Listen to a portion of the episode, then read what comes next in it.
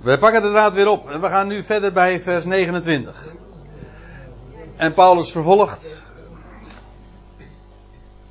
met te zeggen, want hij zegt: Ik heb dit waargenomen. En ik zeg daarbij weer: gehoord, gezien, gelezen. Ik weet het niet. Hij zegt: Ik heb dit waargenomen.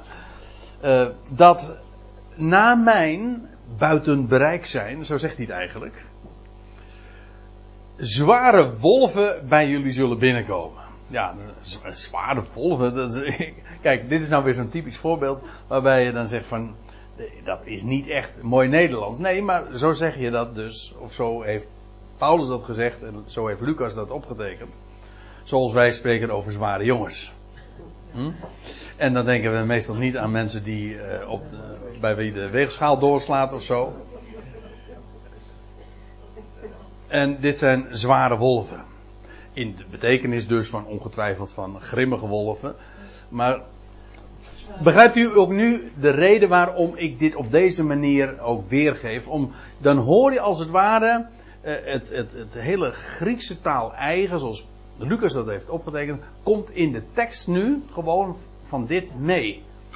En dat dat soms wat meer Grieks klinkt dan Nederlands, nou, dat nemen we dan maar voor lief. Ik heb dit waargenomen, dat na mijn buitenbereik zijn, dat wil zeggen als ik hier weg ben en jullie mij niet meer kunnen bereiken, dat zware wolven, echte zware jongens, ja. Is dat zo? Staat er ook zware wolven? Ik heb brede wolven in de telos. In de telos vrede en in de. Ja, maar kijk, op het moment natuurlijk dat je een ander woord ervoor gaat invullen, dan kun je, dan, dan zijn er grimmig, noem maar nog een gemene of whatever, gevaarlijke. Maar zwaar is dan het woord wat hier gebezigd wordt. Toch? Oh, maar ik ben blij dat de Statenvertaling dat ook gedaan heeft. De Statenvertalers die hebben, hadden ook nog een tamelijk concordant principe van waaruit zij vertaalden. Dus die maakten zich ook niet al te druk over de, de Nederlandse taal. Die hebben, die, sterker nog, die hebben feitelijk door gewoon zo de Hebreeuwse en de Griekse tekst uh, vrij letterlijk over te zetten, hebben ze zelfs het Nederlands sterk gevormd en heeft het Nederlands zelfs vele Hebreeuwse en Griekse invloeden. Via de Statenvertaling. Dat is grappig, hè? Dus ja. Maar goed. Ik heb dit waargenomen dat na mijn buiten bereik zijn zware wolven bij jullie zullen binnenkomen. Zullen naar binnen komen. En, en die kleine kudde niet sparende. Die, die uh, die metafoor van wolven en de kudde. En hoe was het ook alweer? Van een schaapskudde, ja. In, uh, in Matthäus 7 spreekt de Heer, in, dat is in de bergreden, over valse profeten. En dan, zegt dan staat er, die in schapenvacht tot u komen, maar van binnen zijn zij roofgierige wolven. Ik geef het weer zoals de MBG-vertaling het uh, ook vertaalt. Maar in ieder geval, uh, trouwens, daar, kennen, daar hebben wij nog weer de uitdrukking: hè, een wolf in schaapskleden vandaan. Dat is, dat is dus een, een, een Nederlands spreekwoord, maar komt gewoon rechtstreeks uit het idioom van, van het Nieuwe Testament. Maar wat dat zijn, ja, dat zijn, ze doen zich als profeet voor, vals, pseudo, als een schaap, als deel uitmaken van de kudde. In werkelijkheid zijn het wolven. Nou, over zulke mensen heeft Paulus het ook. Zware wolven die bij jullie zullen binnenkomen. Dat, doen ze, dat is maar één manier natuurlijk om dat uh, effectief te doen. En dat is je voor te doen inderdaad in schapenvacht. Als een, als een uh, als een schaapje.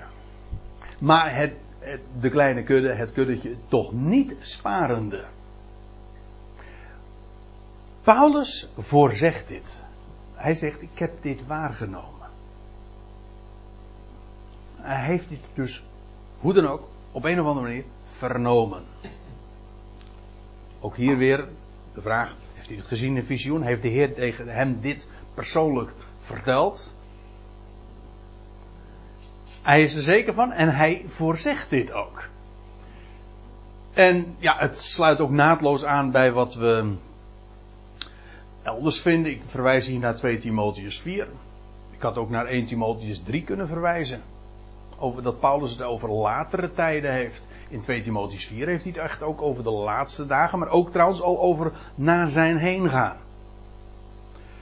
En Paulus had een goed bericht van hoop, maar over de toekomst van de christenheid is hij niet optimistisch. Kijk het maar na in zijn brieven. Voor zover hij zich daarover uitlaat, waarschuwt hij, en in dit geval voorzegt hij ook, dat de kudde niet gespaard zal worden. Hij voorzegt dit. En in de pauze hadden we er nog eventjes over. Naar aanleiding van wat ik voor de pauze vertelde over die hiërarchische kerkstructuren. En over hoe, hoe, eh, hoe menselijke instituten zich gezag en autoriteit aanmatigen. En, dat, en toen overwogen we trouwens ook nog weer te dat dit te maken heeft met het hele idee van de kerk die zich Israël ging wanen. En daarmee ook het priesterschap, het priesterambt eh, zich heeft toegeëigend. En, en een hoge priesterschap, eh, hoe zei je dat ook aard. Ik bedoel, het hele ambtsstructuur heeft ook heel veel weg. Trouwens ook het hele idee van een kerken, heiligdommen, een priesterschap, eh, altaren. Dat is allemaal gewoon gekopieerd. Pseudo natuurlijk, maar het is gekopieerd vanuit Israël. Allemaal wel weer met die valse gedachte van wij zijn Israël. Dus ze hadden gewoon zich ook een valse identiteit aangemeten. Met alle gevolgen van die. Ze dachten iets te zijn wat ze niet waren. Nou, dat is kwalijk. En daar kom je ook altijd bedrogen mee uit. Dus ja, daar zit heel veel achter. En in werkelijkheid was het natuurlijk ook heel gewoon puur. Aan de ene kant was het judaïserende elementen, dat wil zeggen men. Het, is afgekeken van, van Israël, gekopieerd. En, maar het was natuurlijk ook heel veel heidendom. Wat zo naar binnen, wat naar binnen is gekomen. Zware wolven elementen die dus helemaal niet in die kudde horen. En, toen hadden, en voordat deze avond begon, hadden we het over, over, de, over Nicolaas, over die bisschop. En over, ja weet je, Sinterklaas dus. Wie kent hem niet? en met die, en, en, die conferentie van Nicea, waar hij een van de hoten met van was waar toen vastgelegd is, hè, waar het polytheïsme is naar binnen gekomen. Dat, het maakt helemaal geen deel uit van het gedachtegoed van, van, van, van Israëls God, één God. Nee, maar dat waren zware wolven die naar binnen gekomen zijn. Paulus heeft het voorzegd. En die het polytheïsme, veel godendom, hebben geïntroduceerd. Onder het mom van één God. Maar in werkelijkheid was het gewoon verkapt veel godendom. Het is verkapt veel godendom, alleen onder de. Het is, uh, uh, dat noemen ze in het Engels whitewashing. Hè? Dat is allemaal wit gewassen. Nou, zo zeggen wij het ook. Hè? Het is wit gewassen. door schoonschijnende termen. Maar in werkelijkheid is het zo pseudo, zo vals als het maar kan. En Daarmee is de, de boodschap is niet gespaard en, en de kudde uiteraard daarmee ook niet. Nou ja, dat is allemaal wat er aan de hand is. En in 2 Timotheus, uh, dat, is, zijn Paulus geestelijk testament. Het is zijn, is laatste brief. En dan zegt hij tegen Timotheus, tegen Timotheus zelf al, hè, er komt een tijd dat men, het algemeen, de gezonde leer niet meer zal verdragen hun oor van de waarheid zullen afkeren en zich, tot de, zich naar de mythen keren. En dat zegt Paulus dus al tegen Timotheus. Hij zegt niet eens van dit is in de laatste dagen, dat is 2 Timotheus 3 trouwens. Maar hier zegt hij er komt een tijd dat men de gezonde leer niet meer zal verdragen. Dus op het moment, hoor goed wat, wat, wat, wat hier staat. Hè? Dat Paulus zegt dan, er komt een tijd dat daar waar de gezonde leer ooit gebracht is, als je het vertelt, dan willen ze het niet eens horen. Ze zullen het niet verdragen. Dat is geen optimistische toekomstvisie van Paulus als het gaat om wat er in de kerkgeschiedenis gaat gebeuren. Paulus zegt, ik bedoel, hij zelf stond op het punt om geëxecuteerd te worden, maar dit zegt, dit zegt hij al, geeft hij aan Timotheus mee, die tijd komt. Wees daar goed op bedacht. Dus als mensen zeggen van uh, tegen u of tegen mij van wat jij brengt, dat kan niet goed zijn. Want in de kerkgeschiedenis is dit altijd veroordeeld. Dan zeg ik, ah, dat is een aanwijzing dat ik er nog heel goed zit. Nee, het is geen bewijs. De bewijs alleen schrift. Maar het loutere feit dat die gezonde leer hè, niet verdragen wordt, is dat een aanwijzing dat je, of dat die leer niet verdragen wordt, is dat een aanwijzing dat het dus niet gezond is? Nee, in tegendeel, dat is juist een aanwijzing dat die gezond is. Nou, het wordt nog, er, het wordt nog erger. Hij zegt, en vanuit jullie zelf zelfs. Ik bedoel, in het voorgaande vers was het nog zware wolven van, zullen van buiten naar binnen komen. En hier zegt hij, en vanuit jullie zelf, of vanuit jullie eigen midden. Dat kan vanuit die kring die daar was, of gewoon vanuit Efeze, of vanuit de kudde. En vanuit jullie zelf zullen mannen opstaan. Sprekende verdraaide dingen. Verdraaide dingen. Um, de, Paulus noemt zulke namen trouwens ook. Want in de brieven aan Timotheus, de eerste Timotheusbrief, die werd geschreven toen Timotheus in Efeze arbeidde, dat lees je in hoofdstuk 1, vers 3.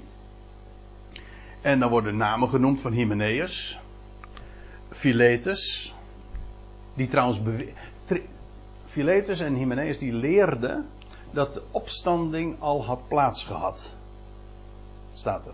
Waardoor zij uit het spoor der waarheid geraakt waren. Je leest ook de naam van Alexander. Maar, dus als hij zegt vanuit jullie eigen midden zullen mannen opstaan. Dan, ja, dat is ook inderdaad zo gegaan. En inderdaad uit hun eigen kring, misschien wel van die mannen die daar in Mileten aan het strand stonden. Who knows, dat zou zomaar kunnen. En die gingen verkeerde dingen spreken. Hè? Sprekende, verdraaide dingen. Die woorden, die uh, moet je heel letterlijk nemen. Ze, ze zijn, zoals wij het trouwens ook zeggen, verdraaid. of verkeerd. Neem dat ook even letterlijk. Hè? Verkeerd wil zeggen, keren, iets wat keer, gekeerd is, dat is ook gedraaid. Omkeren. En als het verkeerd is, dan is het niet goed. Dus, hè?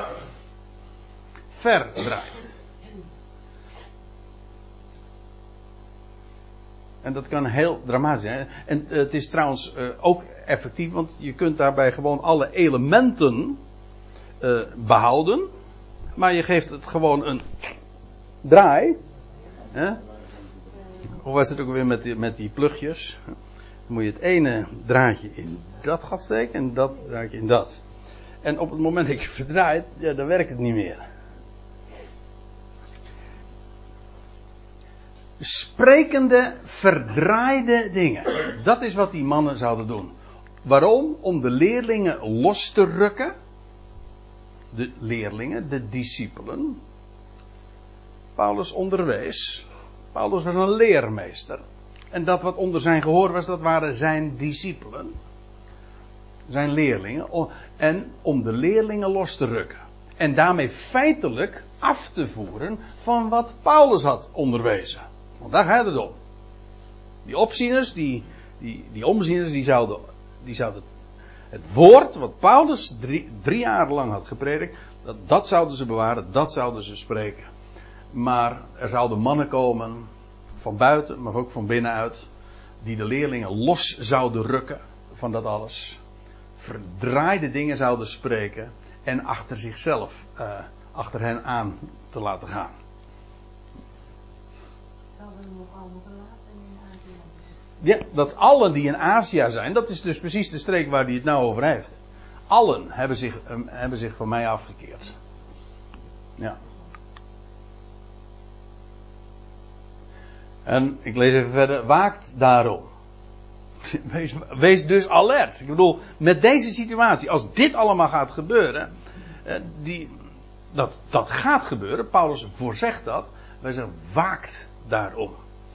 Wees wakker.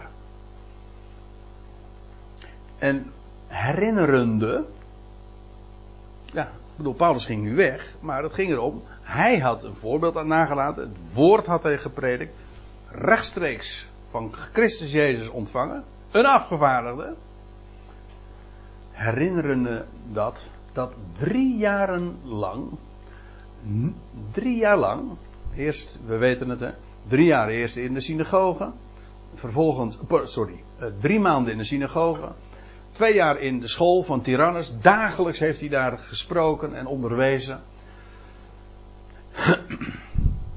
Of die drie jaar een afgeronde termijn is, dat, eh, dat weet ik niet. Kan. Maar in ieder geval, Paulus spreekt over drie jaren, nacht en dag. Dat is de Joodse manier van formuleren. Een Joods etmaal begint namelijk bij zonsondergang. Dus nacht en dag. Waak daarom, herinnerende dat drie jaren lang, nacht en dag, ik niet ophoud met tranen.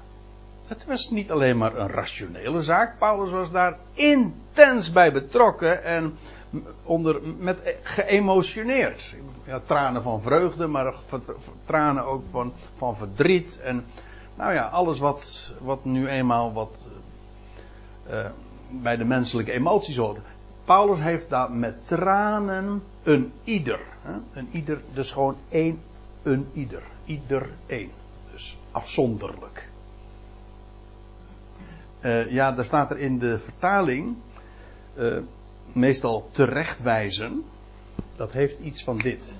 Maar ik heb u erop uh, alles vaker in deze context ook wel eens op gewezen dat hier een woord wordt gebruikt dat samengesteld is uit twee elementen, namelijk het woordje denken en plaatsen. Dat wil zeggen iets. Uh, de gedachte is dan iets in je denken voor de aandacht te plaatsen. Dat is precies wat attenderen dan ook is. Dan plaats je iets in iemands gedachten of onder de aandacht plaatsen. Nou, dat is wat Paulus deed. Altijd daarmee in de weer. Nacht en dag. En hield niet op. Afzonderlijk. Iedereen. Dit was zijn leven. En nu. Dat wil zeggen, het is ook typerend na het heengaan van deze apostel. Maar ook na het heengaan van de apostelen. Want nou komen we op een punt waar we het eigenlijk eerder al uh, vanavond ook over hadden voor de pauze. Uh, wat er gebeurd is nu de apostelen hun woord hebben gesproken. De eerste generatie, de afgevaardigden zijn ont, ons ontvallen. En wat ze achtergelaten hebben is het woord. En dan zegt Paulus, gaat weg. En hij zegt, ik zet jullie voor. Zo, alsjeblieft. Ik zet jullie voor ik draag jullie over, staat, of ik draag jullie op, staat er in de MBG-vertaling. Ik zet jullie voor bij de God. En staat er bij het woord van de genade van hem. Paulus gaat weg en dan zegt hij: Jullie zijn voor Gods rekening. En ik draag je op bij het woord van de genade van hem. Nou, dat is precies waar we het uh, de avond mee begonnen met vers 24, weet je wel, waar we de vorige keer mee afsloten. Het evangelie, het goede bericht van de genade van de God. Aan dat woord draagt hij hen over. Blijf daarbij. Hoe, hoe hij wist, men zou er niet bij blijven. Maar hij spreekt hier ook degene aan die, die wel zouden waken. Hij zegt, ik zet jullie voor bij de God, bij het woord van de genade van hem. Namelijk bij degene die in staat is te bouwen. Die vermogend is. Dynamisch, hè? Dat, dat woord. In staat is. Uiteraard is dat de God. Bij degene die in staat is je, uh, te bouwen. Ja, want uh, dat zegt hij dan tegen de Corinthiërs. Gods bouwwerk zijn jullie. Paulus had uh, steentjes mogen bijdragen, maar het is het bouwwerk van God. Hij zegt, Gods akker zijn jullie. Hij zegt, Apollos die heeft Nee, eh, hoe is het ook weer? Ik heb geplant, Apollos die heeft begoten. Maar God geeft de wasdom. En zo is met het bouwwerk. Het is Gods bouwwerk. God maakt een tempel. God maakt een bouwwerk. U weet het nog. En wie hebben de uh, het fundament? Het fundament, dat is Christus, uiteraard. Een ander fundament kan niemand leggen. En wie hebben dat gelegd? Het, het fundament van de apostelen. De afgevaardigden en de profeten. Die het woord Gods spraken. Toen is dat fundament gelegd. En nu is hij het die op dat fundament verder voortbouwt. Een woonstede Gods in de geest. Ik draag je op bij degene die in staat is te bouwen en te geven lotbezit. Te midden van al de geheiligden. Erfdeel, nee, een lotbezit. We hadden het in de pauze nog even over, weet je nog, dat we zeiden van ja, goh, waarom ik nou? Hè? Nou, het is gewoon een lot dat je ten deel valt. Dat je de dingen mag kennen. Dat je, waarom mijn, waarom zijn mijn, mogen mijn ogen geopend zijn? Waarom mag ik de dingen zien van hem en van, van de schriften? Het is lotbezit. Het is, niet, het is niet verdiend. Je hebt niet gekozen. Het is je ten deel gevallen. Geldt trouwens ook voor dat wat, dat wat we, de toekomst die we, die ons die straks geopenbaard worden, valt die allemaal ten deel. Ik bedoel, daar doe je toch niks aan. Ik bedoel, als, als, als de bezuin zal klinken en we gaan hem tegemoet en we gaan onze, in onze bediening, ja, dat, dan valt ons dit lotbezit ten deel. Te midden van al de geheiligden. Geheiligden, dat wil zeggen, die allemaal apart gezet zijn. Ook uitgeroepen ecclesia. Het is allemaal ja, lotbezit. Vind ik nog zoveel mooier dan, uh, dan erfdeel. Bepaalt je ook inderdaad bij het feit van, ja, het, het, valt mij toe. Toevallig. Ja. Paulus zegt in vers 33, ik begeer niemands zilver, zilvergeld, of bewerkt goud of kledij.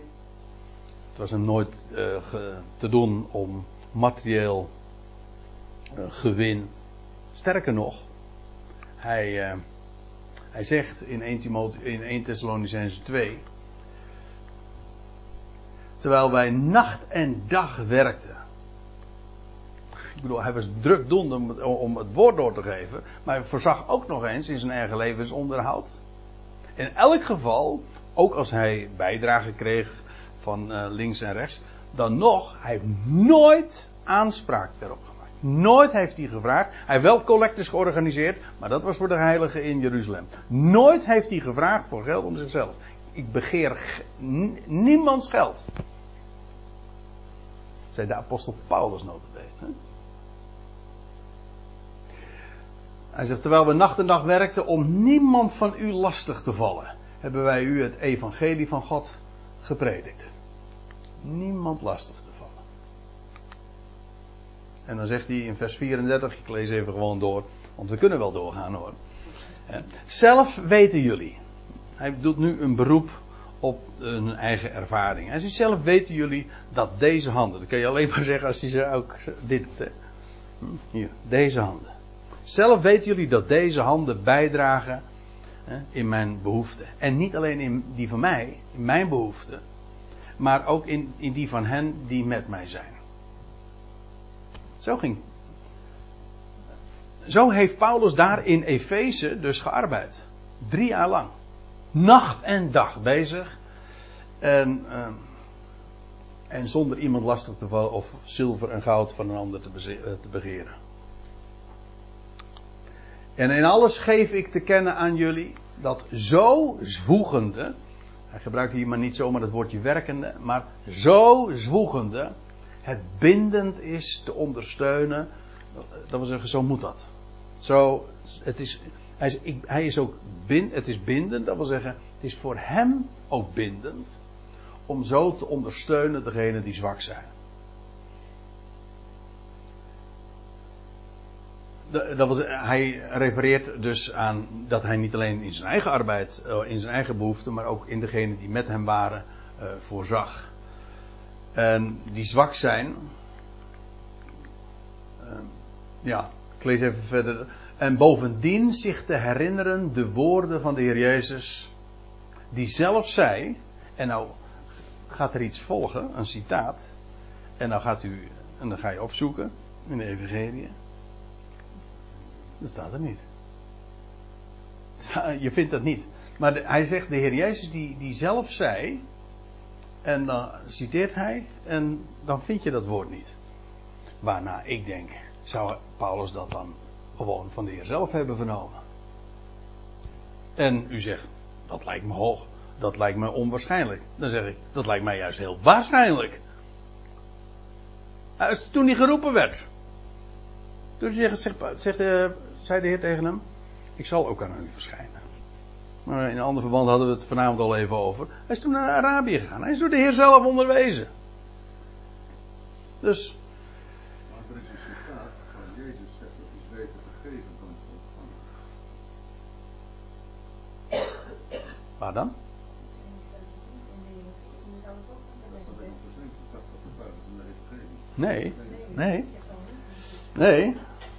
Nee, ik heb er gekeken, want uh, ik, de, alle, alle commentatoren die wijzen erop dan, die zeggen van ja, uh, dat zegt Paulus nou wel, maar we vinden het nergens in de evangelie, waarna je vervolgens dan, maar dan zegt men van ja, dan is het waarschijnlijk mondeling doorgegeven, dat kan allemaal zo zijn, maar uh, het gekke is, men voorziet voorbij dan aan de, een hele voor de hand liggende optie, namelijk gewoon, Paulus is niet alleen maar afgevaardigd, hij zegt in Galaten 1, het evangelie heb ik van hem ontvangen, maar ook geleerd. Paulus is door Christus zelf onderwezen. Nou, en dan zegt Paulus, uh, hij zegt, het is, het is veel eer gelukkig te geven dan in ontvangst te nemen. Zo, zegt het, zo staat het, het is gelukkiger te geven dan te ontvangen. En ja, dat is mooi. Gelukkig. Het is gelukkig te ontvangen, want dat is uh, wat de gedachte die er ook achter zit. Het mag dan heel gelukkig te zijn om iets te ontvangen, bijvoorbeeld het evangelie, maar weet je wat nog veel mooier is? Om het te geven. En anderen vervolgens uh, gelukkig te maken. Ja.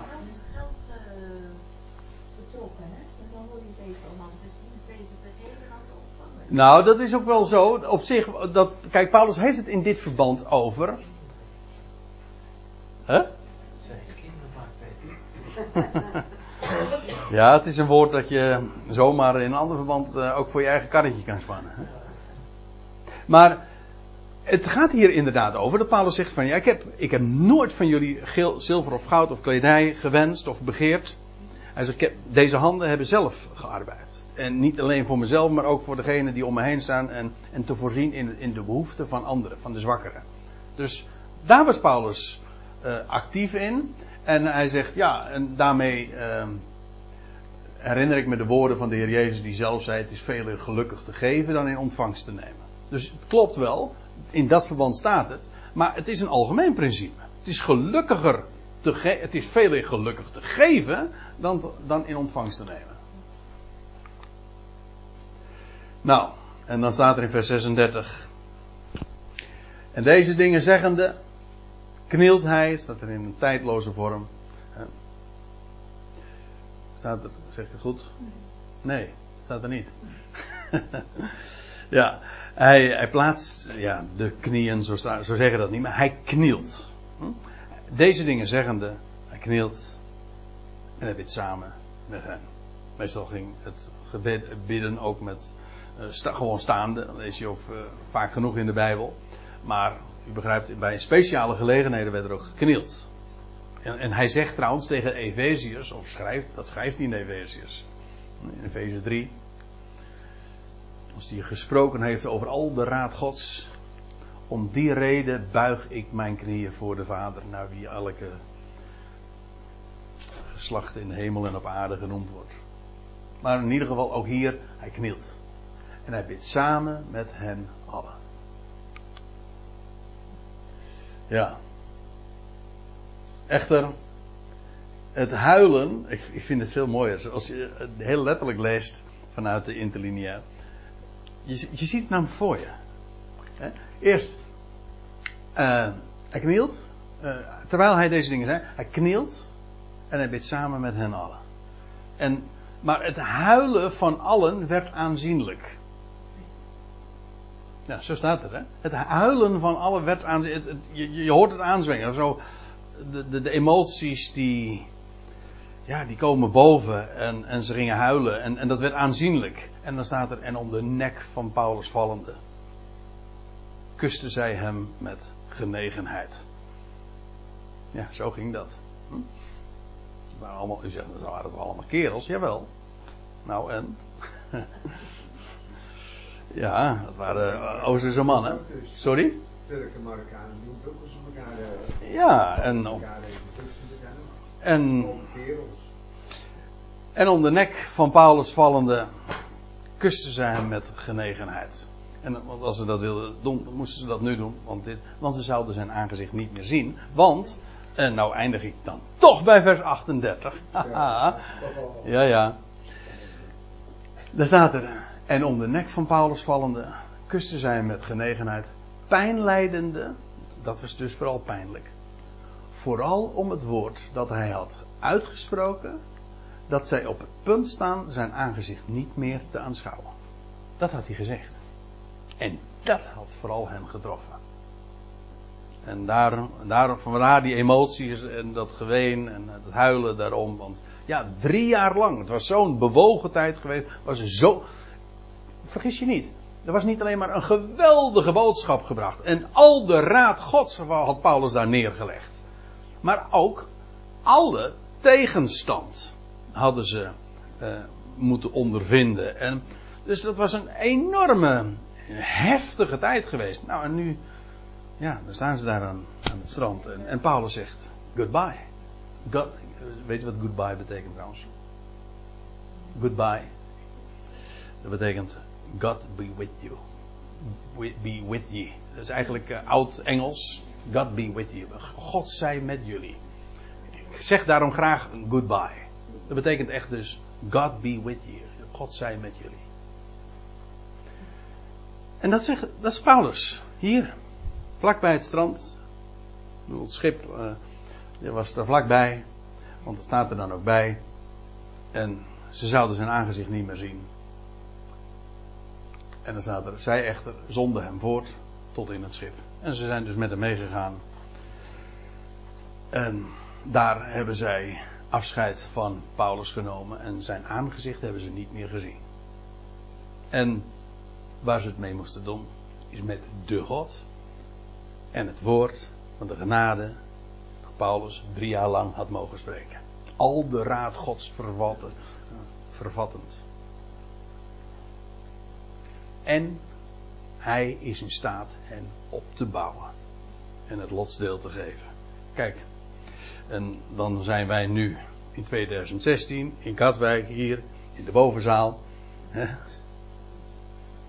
En hoe is het voor ons nu? Ja, God, er zit, er zit bijna twee millennia tussen. Paulus' aangezicht hebben we nooit gezien. Nee, maar wij verlustigen ons in zijn woord. En we stellen ook vast dat het ge- gegaan is zoals hij heeft voorzegd. Want de ernst was niet alleen maar natuurlijk dat ze zijn, zijn aangezicht niet meer zouden zien. Maar ook wat er allemaal zou gaan gebeuren met de kudde en dat de kudde niet gespaard zou worden. En die vrede wolven en die mannen die pseudo-woorden zouden spreken. Dat is allemaal gebeurd. En daarom, hoe belangrijk om vandaag ook gewoon te waken en bij, zijn, bij dat woord wat hij heeft mogen doorgeven. Om daarbij te blijven. En, eh, en zo kunnen we verder. En toch zijn we dus bij vers 38 aangekomen. En dan gaan we de volgende keer verder. eh,